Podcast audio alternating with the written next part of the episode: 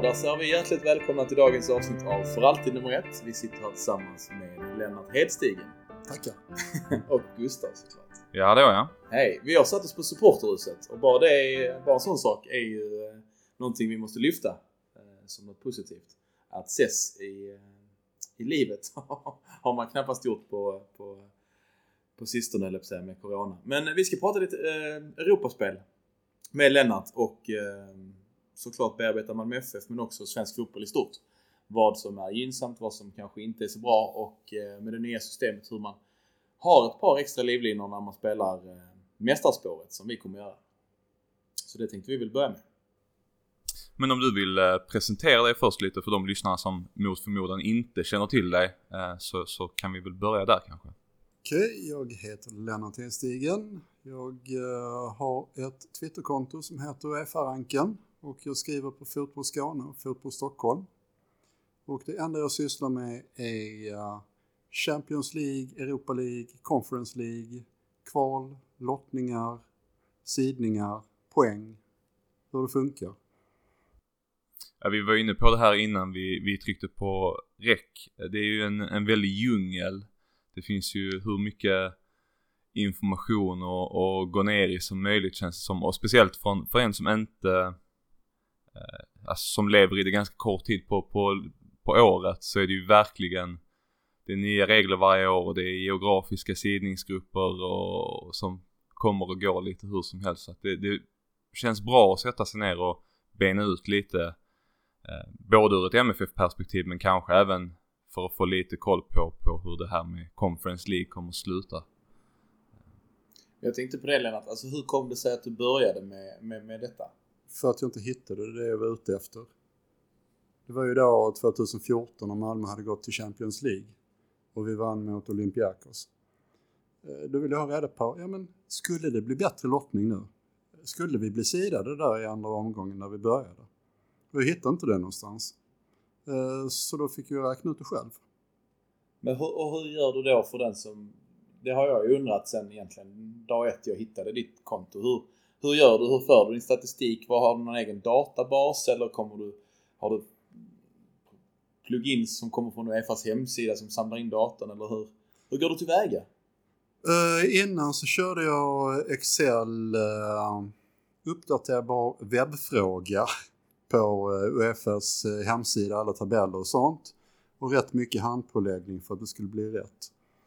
Nu har jag gått över till att göra dem i programspråket Python och ett API. Ehm, så att det ska gå något lättare. Men å andra sidan så har de infört ytterligare ett eh, spel och eh, massa nya regler och olika sidningsregler och sånt där. Så att eh, det är hela tiden ett fixande med att få till det här. Känner du, känner du någonstans att du bär ett, ett, ett, stort ansvar? För det känner ju i alla fall jag att när jag undrar något så tittar jag om du har skrivit det. Eh, känner du ett stort ansvar gentemot liksom främst då MFF-are att eh, försöka uppdatera oss, hålla koll åt oss eller hur, hur ser du på den liksom? Vilken fråga. Uh, nej, alltså jag är ju journalist i grunden. Så att det är väl mer det att jag har uh, jag får verkligen lov att vara journalist. Uh, jag får lov att berätta för folk. Och jag kan vara först med en hel del grejer. Jag kan vara liksom den där som förklarar. Så att, eh, nej, jag har inte sett det som särskilt tungt. Eh, just den biten. Det som har varit tungt är ju om eh, jag har fått beröm innan. Så nästa inlägg man ska skriva är alltid skitsvårt. Men det är väl klart man bildar ju sig ett, ett, ett ett rykte, inte bara för MFF som du sa Martin, utan för hela egentligen svenska, alla som tittar mot någon form av Europaspel. Det har jag ju sett nu under, ja, hela vintern och våren när Conference League fortfarande var ett, ett mystiskt fenomen som ingen kände till så såg man ju dagligen eh, Hammarbyare och Djurgårdare och allt vad de var som, som trodde att de skulle komma till, till Conference League så småningom. Som ville ha uppdatering om prispengarna och ja, vi ville ju spräcka jag satt ju och hoppades på att den här ekonomiska myten eller vad man ska säga skulle spräckas. Eh, så att då vände man sig alltid till, till ditt konto först istället för att gå till vissa andra journalister som, som istället byggde på den här mytbildningen om, om Conference Leagues eh, ja, spekulativa status kanske man ska säga. Men vi kommer in på det lite mer senare egentligen. Ja, eller ska vi ta och börja där kanske? Ja. Alltså, Andreas Alm i Häcken sa ju att uh, det var division 3. Uh, så han var ju helt klart eh, tvärmissnöjd med det. Men det jag tror, en del, stor del i anledningen till att det har blivit så bra som det har blivit, det ska vi nog sätta på, eh, eh vad heter han, Lars-Christer Olsson. Eh, som ju faktiskt för en gångs skull har det varit någon som fört de små ligornas röst utåt och inte bara inåt. Han har bildat opinion för det här. Han har verkligen drivit på det. Så att eh, jag tror att vi ska skicka en tacksamhetens tanke till honom det är ju intressant, vi var inne på det eh, återigen innan vi spelade in här om, om de svenska lagens möjlighet. Men jag tycker det är intressant för att för mig så har väl det känns som att många svenska supportrar har en konstig självbild att vi ska, vi ska vara med i Champions League egentligen. Tre, fyra lag verkar det som att, att vissa tror men precis som du är inne på Conference League är väl kanske egentligen nivån där vi ska sikta det är där vi ska etablera oss till en början, de svenska lagen och kanske senare gå vidare till Europa League och Champions League. Så att, det gäller ja. de svenska lagen förutom Malmö FF som ju mm. faktiskt mm. har etablerat sig på Europa League-nivå. Precis, men eh, conference, conference League så utgår jag alltid från att prata om, om lag 2 till 16 i Allsvenskan, inte, inte lag 1 liksom.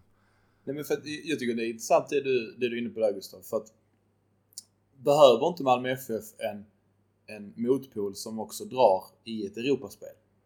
Alltså för svensk fotbolls del och för Malmö FFs del hade det varit jättebra om typ AIK, Djurgården, Hammarby hade fortsatt att spela gång år efter år. Alltså kvalat år efter år och gått till eh, gruppspel två, tre gånger under en femårsperiod. Det hade lyft det. Hade vi dessutom då fått ett lag som, precis som Malmö, går vidare till gruppspel väldigt ofta. Då ökar ju Malmös ranking eller förlåt, då ökar ju Sveriges ranking vilket gör att eh, man kommer in i eh, kvalspelet senare. Vilket ju bara är jättebra för Malmös del. Så, så egentligen alla de som säger att, att det är inte bra om de andra lagen får större ekonomiska medel och, och går långt i Europa. De har egentligen fel. För att Malmö FFs del kan det innebära att man kommer in senare i ett Europaspel och inte behöver gå lika lång väg. Så det beror på hur man tänker. Uh, för tänker man att uh, ja, men de andra kommer att bli bättre och ha större möjligheter att vinna SM-guld om de tjänar mer pengar i Europa. Ja men det blir ju lite farligt för MFF. Men jag tror att MFF är så pass rutinerade och har skaffat sig ett eh, ekonomiskt försprång så att sköter de korten rätt så ska de fortfarande kunna klara av det. Och, och vad menar du med att sköta korten rätt? Om vi bara liksom gör det supertydligt. Jag förstår nog vad du menar men mm. för de som lyssnar som kan uh, Att man uh, inte gör som IFK Göteborg efter att de hade uh, tjänat en massa pengar i Champions League och köpte alldeles för dyrt. Uh, kastade ut pengar på spelare som inte funkade i laget och så vidare. Alltså noggrann scouting, håll i pengarna men satsa där det behövs bra tränare, eh, hela tiden ha målbilden klar för sig. Att, man, att det är Europa man ska gå ut i. SM-guldet är ett medel. Alltså Malmö är så pass bra så att man kan inte vara nöjd om man vinner SM-guld. Man måste ju gå vidare. Det är intressant. Vi har ju tidigare pratat mycket om professionaliseringen generellt i klubben och, och inte bara med att när vi har kört Gissa året som ett segment där man märker liksom eh, match texter på den officiella hemsidan som har varit rent tramsiga. Eh, så har professionaliseringen även de senaste åren upplever jag gått från och, och genomsyra klubben på ett mycket, mycket mer sätt. Även om det i vissa fall kanske är negativt att klubben har gått det här stängda, åt det stängda hållet. Så upplever jag ändå att det är en professionalisering på, i ungdomsleden, i hur man rekryterar både spelare och ledare och så vidare. Ner i ungdomsleden och som vi har pratat om tidigare att man kanske drar ner de här ska man säga, analysverktygen och scoutingverktygen ännu längre ner i åldrarna för att bygga på eh, hela verksamheten så man har en stabil grund så att alla kommer upp, håller liksom, MFF-standard. Eh, och det, det, är väl en, om man fortsätter med det och fortsätter med, som du är inne på, no, noggrann spelarrekrytering och så vidare. Eh, så, så, känns det väl som att man har påbörjat att använda pengarna rätt i alla fall inför framtiden. Absolut. För att en grej jag tänkte på som du nämnde innan vi spelade in också Lennart, det, är det här att Champions League blir ju då för de lite större klubbarna, där är fler platser till dem. Mm. Eller hur? Stämmer. Mm. Vilket ju då gör att, att det blir en effekt ner till Europa League och Conference League. Att de, eh, den ligan egentligen som du sa, som Lars-Christer Olsson eh, har gjort för de lite mindre klubbarna. Är det istället för den här superligan? Som det var tal om, att man nu på något sätt ändå kan säga att Champions League, eller de har, de har fortfarande den visionen. Ja, jag tror inte att Superliga-tankarna är, är döda för att uh, alltså de största klubbarna är ju i verklig ekonomisk kris. De behöver ju hur mycket pengar som helst. Som han, Real Madrid-bossen sa. Vi gör det här för att rädda fotbollen. Gör vi inte detta kan vi inte värva Mbappé och Haaland. Det är liksom deras inställning till vad som är att rädda fotbollen.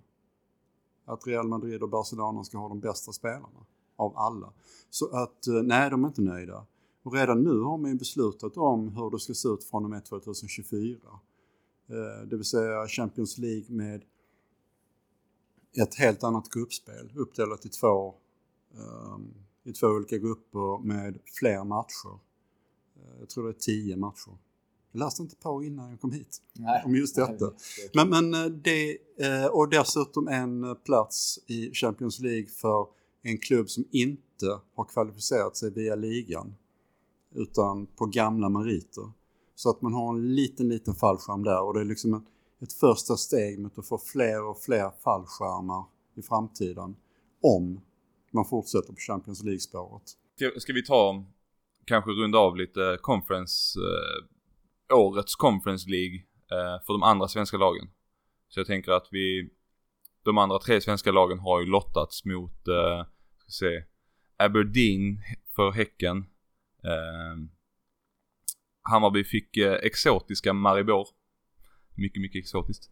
Eh, och Elfsborg får... Eller ett armeniskt lag Ja, som faktiskt Uratu. är exotiskt. Ja, det är faktiskt väldigt mycket mer eh, exotiskt. Men eh, han är väl inte nöjd ändå, Jeppe Andersen tror jag. Jag tror han ville till eh, Sydeuropa någonstans. Eh, och Elfsborg får Milsami Orhei eller Sarajevo. Eh, utan att gå in för mycket på det så kan vi väl kanske bara snabbt bedöma deras möjligheter att ta, ta sig vidare till nästa steg i alla fall. För det ger väl också lite bättre rankingpoäng nationellt. Ja. Uh, nationsrankingen, uh, där är ju varje match viktig. Eh, det är ju poäng som ökar. Så därför är det väldigt bra om alla tre tar sig vidare till andra omgången. Äh, förlåt, till tredje omgången. Uh, det är absolut inte omöjligt. Uh, det är väl Hammarby som har fått svårast men Maribor är ju inte riktigt lika bra som de var när de var som bäst. Utan de är på väg lite utför. Uh, AIK var ju inte chanslösa mot dem. Gick det till förlängning där eller hur var det? Nej, det blev mål precis i slutet, var det inte så? Jo, visst, ja, visst är det mål i slutet där deras spelare ställer sig framför eh, hemmasupportrarna och, och firar rejält. Eh, men det var typ i 96 eller något i den stilen om jag inte är helt snett på det. Ja. Nej, men, eh, så att jag tror att Hammarby är väl de som får det svårast men de har en... De ska man inte räkna bort ändå redan. Eh, Häcken ska vi kunna slå Aberdeen. Men vi är väl lite färgade av hur Malmö behandlade Hibs. Mm. Och, Och om, om än ett par, ett par år sedan, men eh, Ja, det är en bedrift som de om inget annat kommer ihåg som, som Mm. en tung förlust i Europa. ju. får mm, man ju fortfarande läsa lite om. Men, men och, och då är det ju så att för de som inte har, har koll så kommer vi lägga ut ett, ett, ett eh, träd där man kan se alla de här kvalomgångarna och dessutom pengarna, hur mycket pengar det är eh, som, de, som man får för varje omgång. Och i Conference League nu är vi, pratar vi om kvalomgång två där de svenska lagen går in och det är där Malmö FF kan komma om man skulle förlora första kvalomgången. Japp. Eh, vilket då gör att man är på samma nivå som de svenska lagen i Conference League. Vid en för- förlust i första matchen mot Riga FC. Och det är därför man inte ska förlora i första omgången. Precis. För att jag tänker, vi, vi har behandlat de svenska lagen nu, eller hur? Vi kan gå vidare på Malmö. Men vi kan väl säga att Elfsborg ska vinna mot Milsami Orhei eller Sarajevo, vilket som. Ja. Så har vi är sagt bra. det Då- också. Då, precis, då, då, då räknar vi in Elfsborg. Det är alltid fint att räkna in lag på förhand för de, då tenderar de att falla ännu hårdare. Ehm, då är de alltså redan i kvalomgång tre. Men om vi då går över till Malmö FF och tar oss tillbaka till delen på, på Champions League-brädet. Då går vi in i kvalomgång 1 som de flesta vid det här laget vet, mot Riga. Och därefter så väntar då kvalomgång 2 vid en vinst. Och varför ska vi inte förlora kvalomgång 1, Lennart? För att förlorar man i kvalomgång 1 så åker man ju direkt ner till Conference League-kvalet. Eh, och får bara den fallskärmen. Vinner man i omgång 1 och går vidare till omgång 2 så har man därefter två fallskärmar. Först Europa League-kvalet, sen Conference League-kvalet om man förlorar i Europa League-kvalet.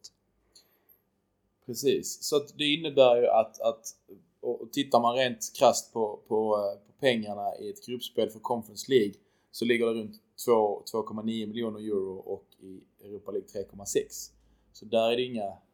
Men det är ju 25% skillnad eh, på de pengaskillnader vi har sett.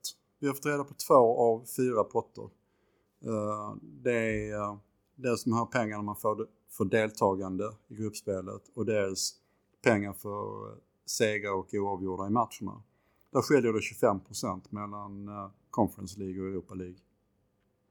Så det är inte jättestor skillnad. Även om en kassör skulle säga att det är många miljoner. Ja men det är det ju. Men, men å andra sidan om man då kan etablera sig i minst ett Conference League-gruppspel varje år så är det ju mer pengar än vad, än vad vi skulle fått dem att missa eh, ett Europa League här och där. Om vi bara tar matchen snabbt mot Riga just så vi har ju som, som vi var inne på häromdagen så har vi kunnat läsa lite om eh, ja, deras ägarskap och, och så vidare. Sen har man väl tagit reda på lite mer nu och då, deras, vad ska man säga, stjärnspelare lämnar ju laget här nu eh, om lite drygt en vecka. Om jag har förstått det rätt så, så ska han lämna Riga för att flytta. Kontraktet går ut deras anfallare. Men, och han har ju verkligen målats upp som det, det stora hotet om han skulle, skulle lånas tillbaka eller säljas dit i framtiden. Men det kanske inte är så, så sannolikt som han har varit så pass bra. Eh, men om vi tittar på Riga, visst är magkänslan att MFF ska vara ganska stora favoriter ändå berättigad här.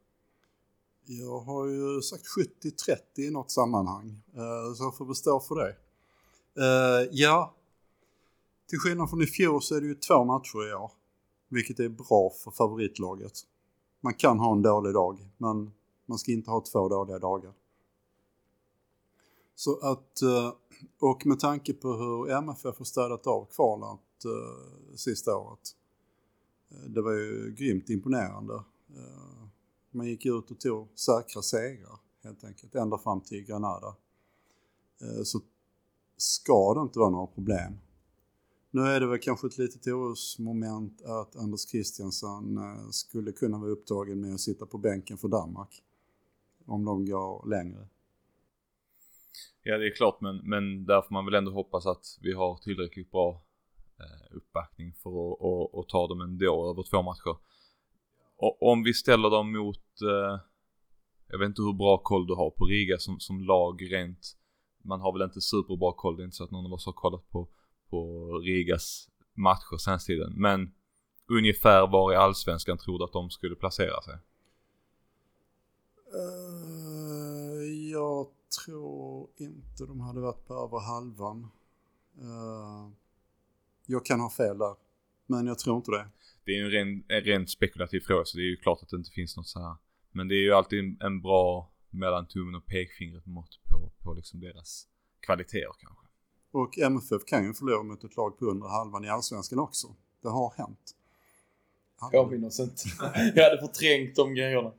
Men Ja. eh, alltså, jag, jag tror att om MFF tar Riga på allvar så ska de klara det. De är inte, alltså det är ju ett fotbollslag som har gjort eh, bra insatser med ett bra motstånd i Europa men förlorat. Eh, vi, MFF har ju lottat mot eh, Helsingfors omgången efter om vi slår Riga. Och Riga och Helsingfors har ju mötts i eh, kvalet 2019 och då blev det oavgjort i båda matcherna. Riga gick vidare på bortamålsregeln. Som det, är kvar i år? Ja. Det var väl snack om att den skulle tas bort nu. Nu när den dörren öppnades så bara förlög jag in. Uh, det var ju snack om att bortamålsregeln skulle tas bort men det är först nästa säsong. Det verkar som att det blir nästa säsong. Vad, vad tycker du om, om det? Alltså som ändå följer, tänker jag, Europaspel och har mycket koll och läser. Ja men eh, jag kollar, alltså min tanke är ju att det kommer bli fler matcher med förlängningar. För att det här är ju sätt att avgöra om man har gjort lika många mål som kommer att försvinna. Man kommer inte ersätta det med någon annan sån regel utan det blir förlängning. Eh, jag kollade upp hur det hade sett ut innan de införde bortamålsregeln. De gjorde det successivt i, eh, tror det var Uefa-cupen de började med och sen när de såg att det funkade där så tog de över det i cupvinnarcupen och sen i, ehm, Europacupen. Eh, men det var inte så, det blev inte så stor skillnad på antalet matcher som gick till förlängning. Däremot så blev man ju av med alla slantsigningar på den. Som man hade ett tag. Nej men för jag, jag tänker att det, det blir en grej som, som jag tror gemene man eller fotbollssupporten i stort kanske känner som en...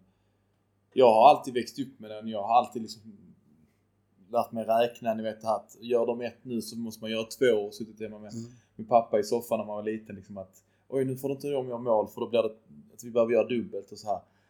Um, så jag vet inte, jag är lite, lite tudelad. Jag har, inte riktigt eh, omfamnat den än men det får man väl kanske göra till nästa säsong då. För då ska vi spela Europaspel igen ju. Såklart, men och, och, och, om man bara, nu går jag jättelångt i förväg till nästa år. Det blir väldigt intressant att se hur, hur det statistiskt kommer påverkas med hemmaplansfördel i sista matchen. För att där kan man verkligen prata om det går till förlängning och man har ett tryck som vi har haft mot, säg Sparta Prag. Då är det ju väldigt stor skillnad på, på de sista procenten man kan få ut av spelarna, skulle jag tro. Och där har ju bortamålsregeln på något sätt vägt upp det där. Okej, gör ni ett mål så är det fortfarande värt mer för bortalaget än för hemmalaget. Som då har fördelen med publiken i ryggen. Så det skulle man ju kunna se som någon sorts uh, jämlikhet som försvinner. Ja precis, för jag tycker att argumentet är, är ganska klokt. Att, att menar, folk de reser chartrade plan, alltså två timmar till Sankt Petersburg. Det är inga problem att ligga på träningsläger som landslaget nu i Göteborg. Alltså den har ju försvunnit förr när man fick åka buss genom halva Europa. Tror tusan att åka ner till Andorra och göra, och göra ett bortamål, att det ska väga lite tyngre än att göra det liksom när man sitter och chartrar till ett plan. Men, men den, den, eh, den du säger där Lennart, den håller jag med om. Um, som sagt, Helsingfors eventuellt i kvalomgång 2. Um, ehm, och sen därefter så vet vi inte vad som händer i kvalomgång 3 och eventuellt playoff. Men skulle Malmö FF ta sig till, till tredje kvalomgången och gå vidare eh, och där förlora, vad händer då Lennart? Förlorar man den tredje kvalomgången så blir det ju Europa League Playoff. Och där ska vi nog helst inte gå in på sidningsreglerna för de har lyckats göra det ännu svårare än allting annat. Men chansen är rätt stor att man får möta ett annat lag som är utslaget från Champions League. Precis, för, för där är det väl ändå så att, att det, det finns ju ett Champions Route och ett eh, Non-Champions Route i Champions League-kvalet. Ja. Men det finns inte kvar i Europa League Playoff. Om Nej. jag har fattat det rätt. Uh, det finns med i Europa Leagues uh, tredje kvalomgång. Som är deras första. Men det försvinner som rent uh, Champions, alltså rent mästerspår i playoff. Men de har ändå gjort en massa regler som gör mm. att det, chansen att få möta ett annat lag från Champions League-kvalet eh, ökar. Um, det här kanske ni får klippa bort sen. Men... Ja, det var här... inte meningen att gå in där då eftersom du sa det. Det var bara ja. att jag satt och kollade på min bild och... Va? Nej men så här är det. Eh, de klubbarna som kommer in från eh, går direkt in i Europa Leagues playoff utan att ha spelat något innan. De är liksom högst rankade och de får möta de som kommer från Europa League-kvalets non-champion-spår. alltså ligaspåret. Eh, och då blir det några lag över. Bland de här eh, som kommer in direkt. Två stycken eller tre stycken. De får möta någon av Champions League-förlorarna som har spelat en tidigare omgång i Europa League-kvalet. Det var extremt invecklat. Ja, alltså så att om man åker ut i Europa Leagues eller i Champions Leagues tredje kvalomgång, Ja. då får man möta ett annat lag från Champions League. Okej. Har du åkt ut tidigare så kan du åka på ett av de här eh, lagen som kommer från eh, icke-mästarspåret. Eh, Eller ett lag som går direkt till playoff. Alltså ett Alltså, lag som går direkt till playoff. Mm. Så, att, så som du säger där, det, kontentan av det hela är egentligen att vi ska undvika att förlora i tredje kvalomgången. Framförallt ska vi undvika att förlora i första. Och sen är det jättebra om vi undviker att förlora i andra kvalomgången. För att då är vi ju garanterade om vi förlorar i tredje kvalomgången att få ett annat Champions League eh, annan Champions League-förlorare i eh, Europa Leagues playoff. För första och andra omgången ska Malmö FF vinna egentligen. För att det är ju Riga och Helsingfors. Det, det är lag som Malmö ska kunna besegra. Eh, sen tredje kvalomgången och playoff så är ju inte Malmö sidat. Eh, och de, alla de lagen som ser ut att hamna på den sidade halvan spelade Europa League-slutspel i fjol. Eh, vissa var i kvartsfinal och ett par stycken åkte ut direkt i 16-delen. Men alltså, det är riktigt bra. Men förlorar man då i tredje kvalomgången och kommer till det här getingboet i Europa League Playoff och förlorar där så är man i Europa Conference League Japp. gruppspel. Så att det är ju den här, den här fallskärmen, den här vägen ner till, till ett gruppspel som ändå kommer om man bara inom cit- citattecken vinner två Champions League kvalomgångar. Som vi bör göra. Ja. Alltså eh, egentligen, vinner man i första kvalomgången så räcker det med att du vinner en omgång till oavsett var. Så är du i Conference League. I gruppspelet.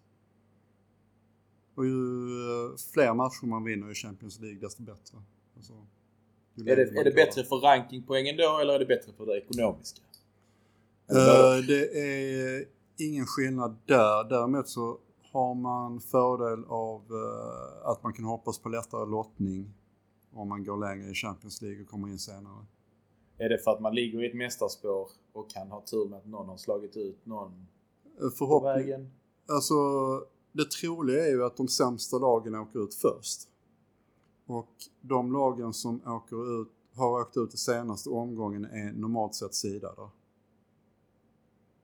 Eh, Så då får man möta de osidade lagen som har gått vidare från det här Champions-spåret som är förlorare. Eh, Så Jag, att, jag tror jag är med på den. Jag hoppas att de som lyssnar också det. Jag har ju en bild framför mig.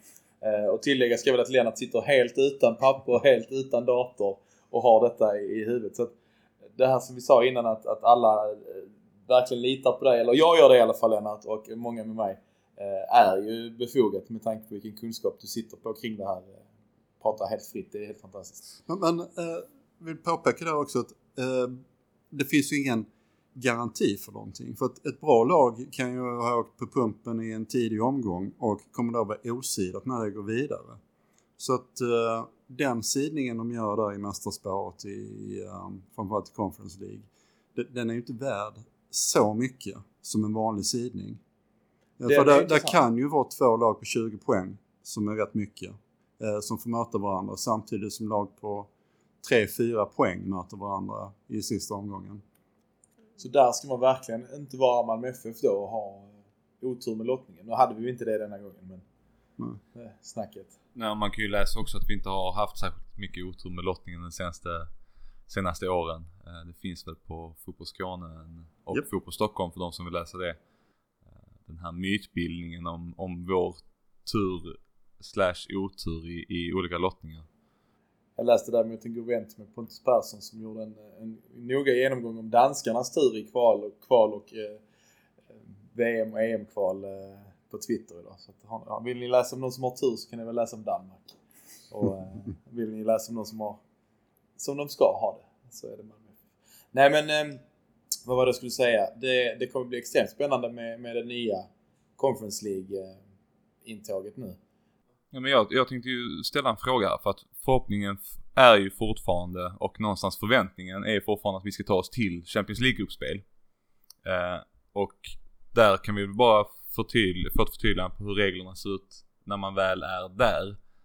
Tredjeplatsen går till Europa League förmodar jag. Eh. Tredjeplatsen går till eh, ett litet eh, extra kval om en plats i Europa League-slutspelet. Eh, de har infört eh, att, nu ska vi se här så att det blir rätt. Eh, åttondelsfinalen går ettorna i Europa League till. Medan tvåorna i Europa League och treorna i Champions League möts eh, om de andra återstående åtta platserna i åttondelsfinalen. Och så är det samma sak på till Conference League, att ettorna går direkt till åttondelsfinalen medan tvåorna i Conference League måste slåss mot treorna i Europa League om en plats i åttondelen. Så att egentligen finns det inga fallskärmar i slutspelet på samma sätt som det har funnits tidigare? Va? Nej, det kan man ju säga. Alltså, det kan man ju säga. Men, bara... men å andra sidan, du har ju fortfarande chansen eh, att gå vidare. Eh, eftersom du får den här kvalmatchen så eh, om man rent trädmässigt kan man väl räkna det som en eh, 16-delsfinal även om man inte får några poäng för det och inga pengar. Okay. Och där inte är så många lag som är i 16-delsfinal. För att vissa redan har gått vidare till ja. 8-delsfinal. Ja, så att det är mm. liksom bara en halv 16-delsfinal. Ja, precis så. Uh, nej men det, det, det är intressant och jag tycker att det, man ser det tydligt, ni som nu kan ta fram det på Twitter när ni hör detta. Uh, se liksom hela den här hur, hur man kan falla. Uh, men det är ingen förändring i Champions League där utan där går ettan och tvåan till en åttondelsfinal direkt. Ja. Så att eh, förändringen sker på Conference och Europa League. Va, vad tror du Malmö FF ser som det mest gynnsamma? Såklart, alltså det förstår ju alla att gå till, till Champions Leagues final och vinna. Eh, vore väl det absolut bästa. Det är inte det jag menar. Jag menar vad, vad tror du liksom Malmö FF? Vill, vill man hellre gå så långt som möjligt i Champions League kval och sen trilla ner i ett gruppspel i Europa League? vill man komma till Conference League och kanske gå långt i ett slutspel. Var, var bör Malmö FF och var bör vi supportrar kanske främst lägga vår ribba som, som en rimlig målsättning, en rimlig liksom, vad ska man kalla det? Framtidstro eller framtidshopp? Alltså fråga ett vad Malmö helst vill det är Champions League. Eh, det, det är ju jättesvårt att ta sig dit men inte omöjligt. Vi har gjort det förr, även om det var lite, lite lättare då. Men nu har vi mer rutin så att eh, det skulle...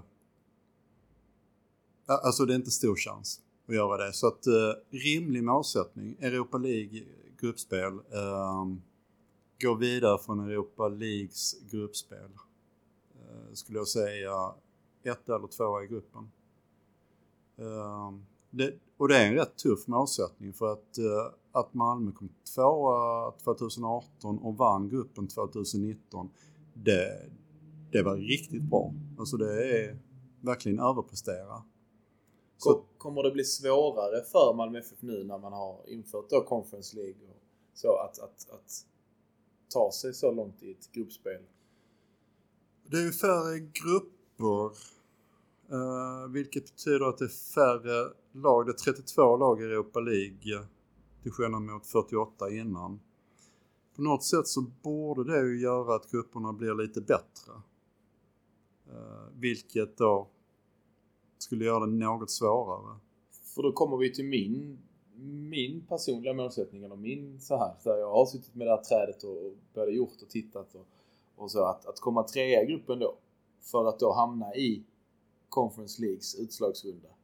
Och där kanske kunna gå till, till eh, semifinal eller kvartsfinal eller final. Beroende på lottning och lite flyt då.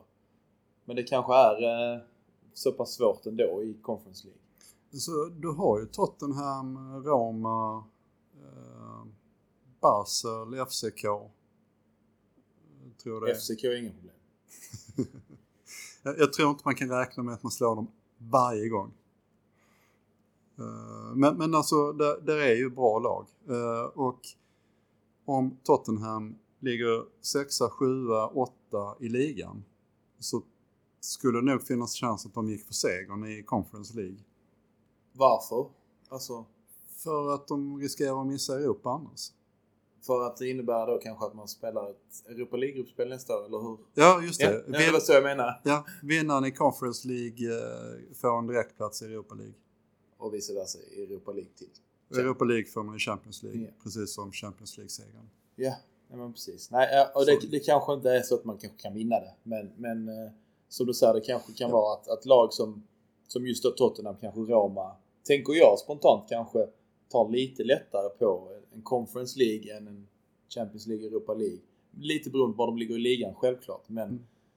ett, ett reservbetonat eh, Tottenham över två matcher, svårt absolut. Men det är ju kanske lättare än, än eh, Bayern München som har trillat ner i Europa League-gruppspel.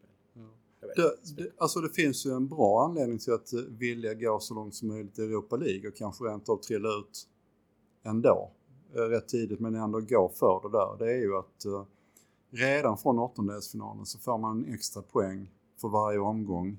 Och så är det bonuspoängen som delas ut till klubbarna där. Eh, Det får du från åttondelen i Europa League men först från semifinal i Europa Conference League.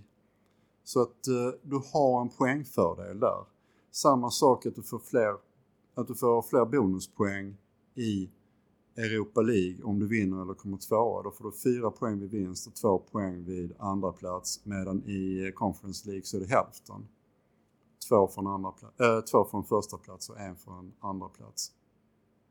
Det är ganska intressant. Det har jag ju inte hört innan.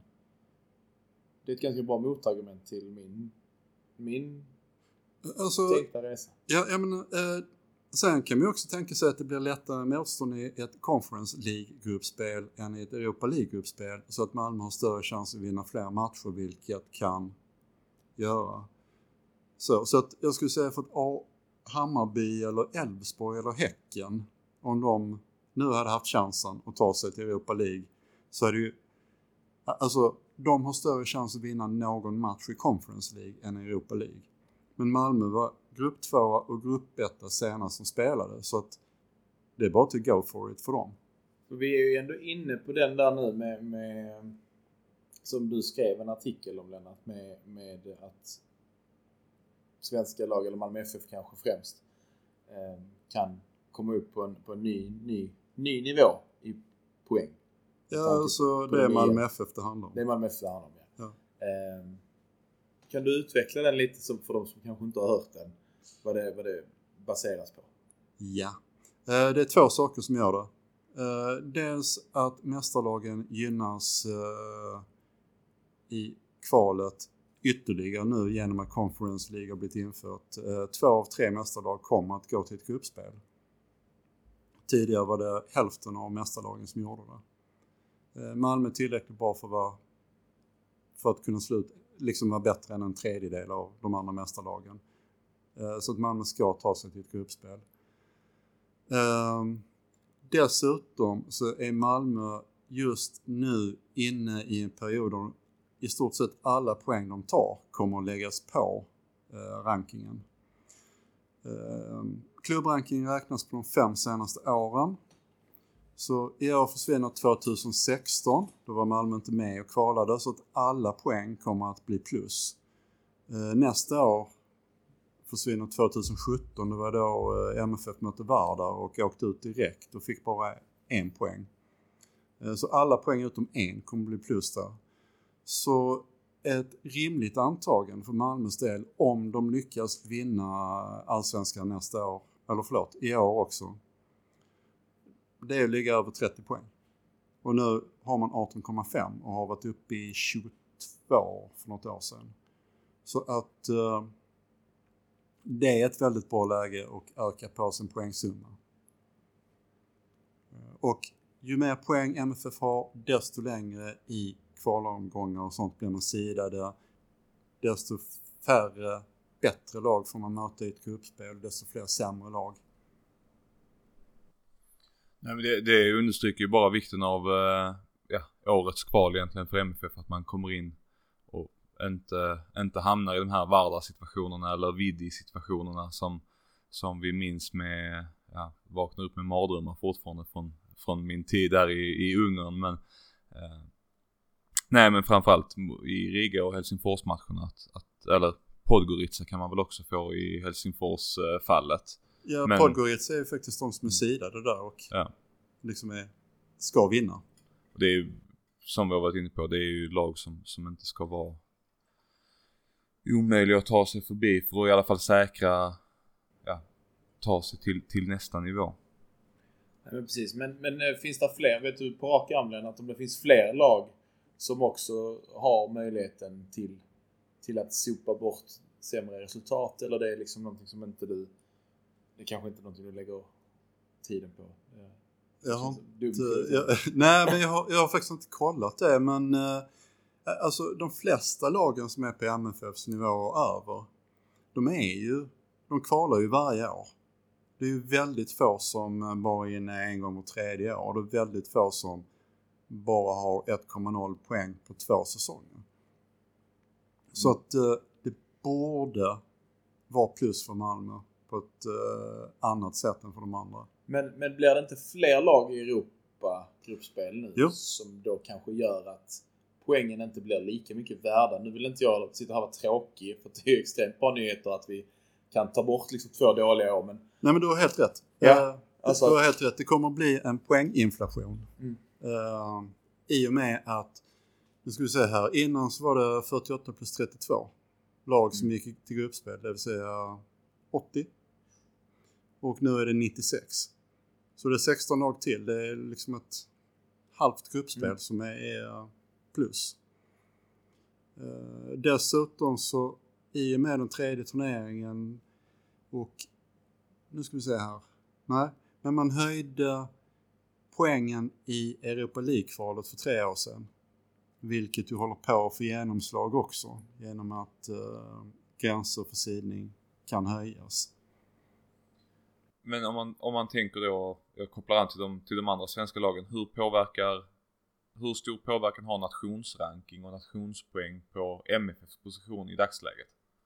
Är det något som, ska man sitta som MFF och heja på, på de andra svenska lagen för att gynna, gynna MFF i det långa loppet eller är, Alltså det är ingenting så att eh, om vi tar en plats i nationsrankingen nu eh, så kommer man kunna starta en omgång senare. För att eh, det missade vi förra året när det gick så dåligt för de svenska klubbarna. Ehm, så nu är det ett långsiktigt arbete om man ska upp till 15 plats. Men eh, alltså Sverige och Danmark låg ju inte långt ifrån varandra. Sverige har ju varit förbi Danmark för ett par år sedan. Eh, och nu har Danmark två lag i Champions League-kvalet. Eh, och jag tror de har... ett i Europa League och två i Conference inte helt Ja, jo. Och det ena i Conference startar väl det playoff tror jag. Ja, nu minns jag inte exakt hur det såg ut men det var väldigt, så väldigt bra ut. Uh, egentligen på, på alla. Det är väl liga tvåan som startar tidigt i, i Champions League men inte var helt snett på det.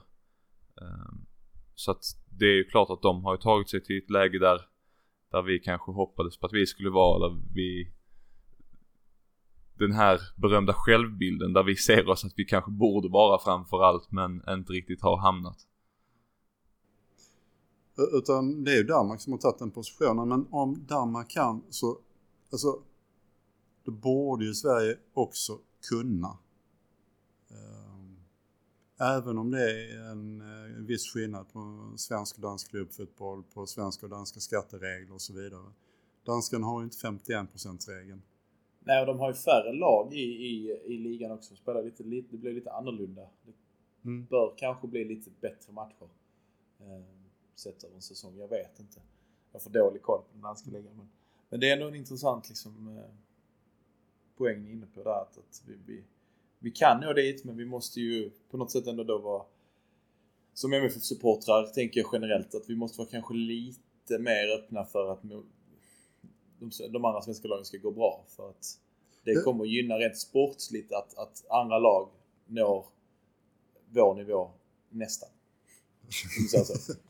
Ja, ja, men alltså eh, ju bättre det går för de andra lagen, eh, andra svenska klubbarna, eh, desto högre kommer Sverige stiga på nationsrankingen, desto senare kommer klubbarna gå in. Men då säger vi stort tack för att ni har lyssnat idag. Vi säger stort tack till, till dig Lennart som har varit med. Och vi säger stort tack till supporthuset som, eh, som lät oss sitta här och spela in. Två uppmaningar eh, innan vi slutar. Det är att gå in på Fotboll Skåne och läsa det Lennart skriver på, eh, på sin blogg där. Och det är självklart att gå in och stötta supporthuset när ni har vägarna förbi. Så, eh, så är vi på åter, återhörande helt enkelt. Vi hörs snart igen med nya spännande saker, Gustav. Det gör vi. Ha det gott! Hej! DJ